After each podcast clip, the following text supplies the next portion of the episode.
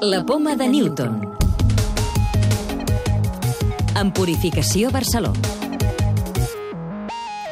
Les habilitats cognitives superiors dels humans respecte als macacos es configuren només en dues etapes de creixement del cervell, a les primeres setmanes de la vida embrionària i entre els 8 i els 13 anys aproximadament. És el que conclou una recerca de l'Institut de Biologia Evolutiva, l'IBE, que us detallem en el programa d'aquesta setmana.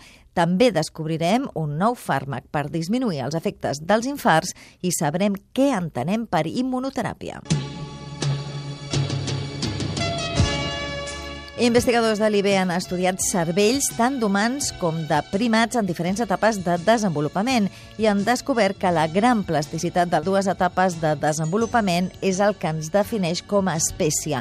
Tomàs Marquès, professor i crea de la UPF i director de l'IB, és el responsable de la recerca. El que hem vist és que bàsicament és el principi del desenvolupament embrionari. Allà hi ha una diferència molt gran, sobretot en la creació de neurones, i després, durant la joventut, també veiem unes grans diferències en com funcionen les neurones d'un cervell humà i d'un cervell de macac.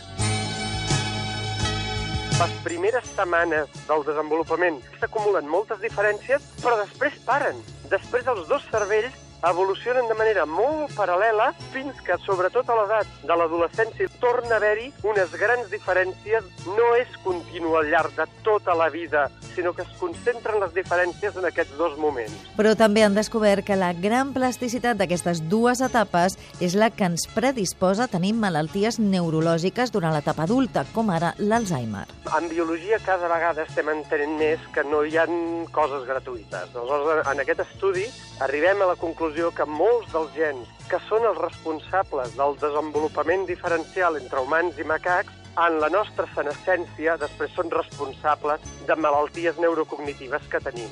La recerca publicada a Science l'han impulsada la Fundació La Caixa i l'Institut Nacional de Salut dels Estats Units.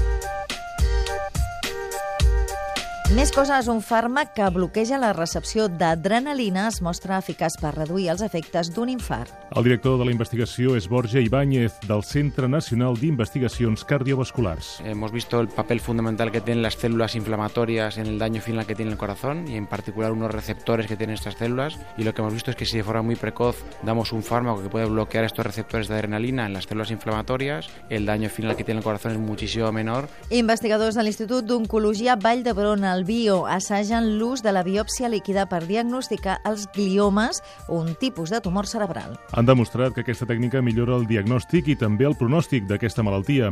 Es tracta d'una analítica del líquid cefaroraquidi, una tècnica molt menys invasiva que la biòpsia convencional, que comporta importants riscos quirúrgics. A banda, també permet caracteritzar el tipus de tumor, la qual cosa fa que el tractament sigui molt més precís i personalitzat i que sigui més fàcil saber-ne el pronòstic. L'Observatori Astronòmic d'Albanyà col·labora en el seguiment de la missió TESS de la NASA, que té com a objectiu buscar nous mons fora del sistema solar. El centre té el telescopi més gran de la demarcació de Girona i s'ha preparat durant mesos per poder recollir dades de trànsits exoplanetaris. La clau de volta.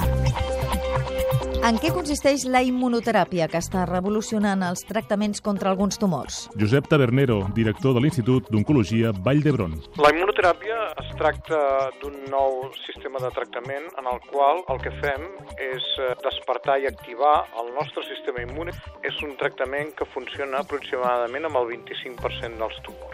Quins tumors són aquests? Són aquells tumors en què el sistema immune nostre ja ha reconegut la malaltia com a algo a destruir, però per diverses circumstàncies aquest sistema s'ha apagat i aquests medicaments el que fan és precisament despertar aquest sistema immune perquè torni a atacar la malaltia i a destruir-la.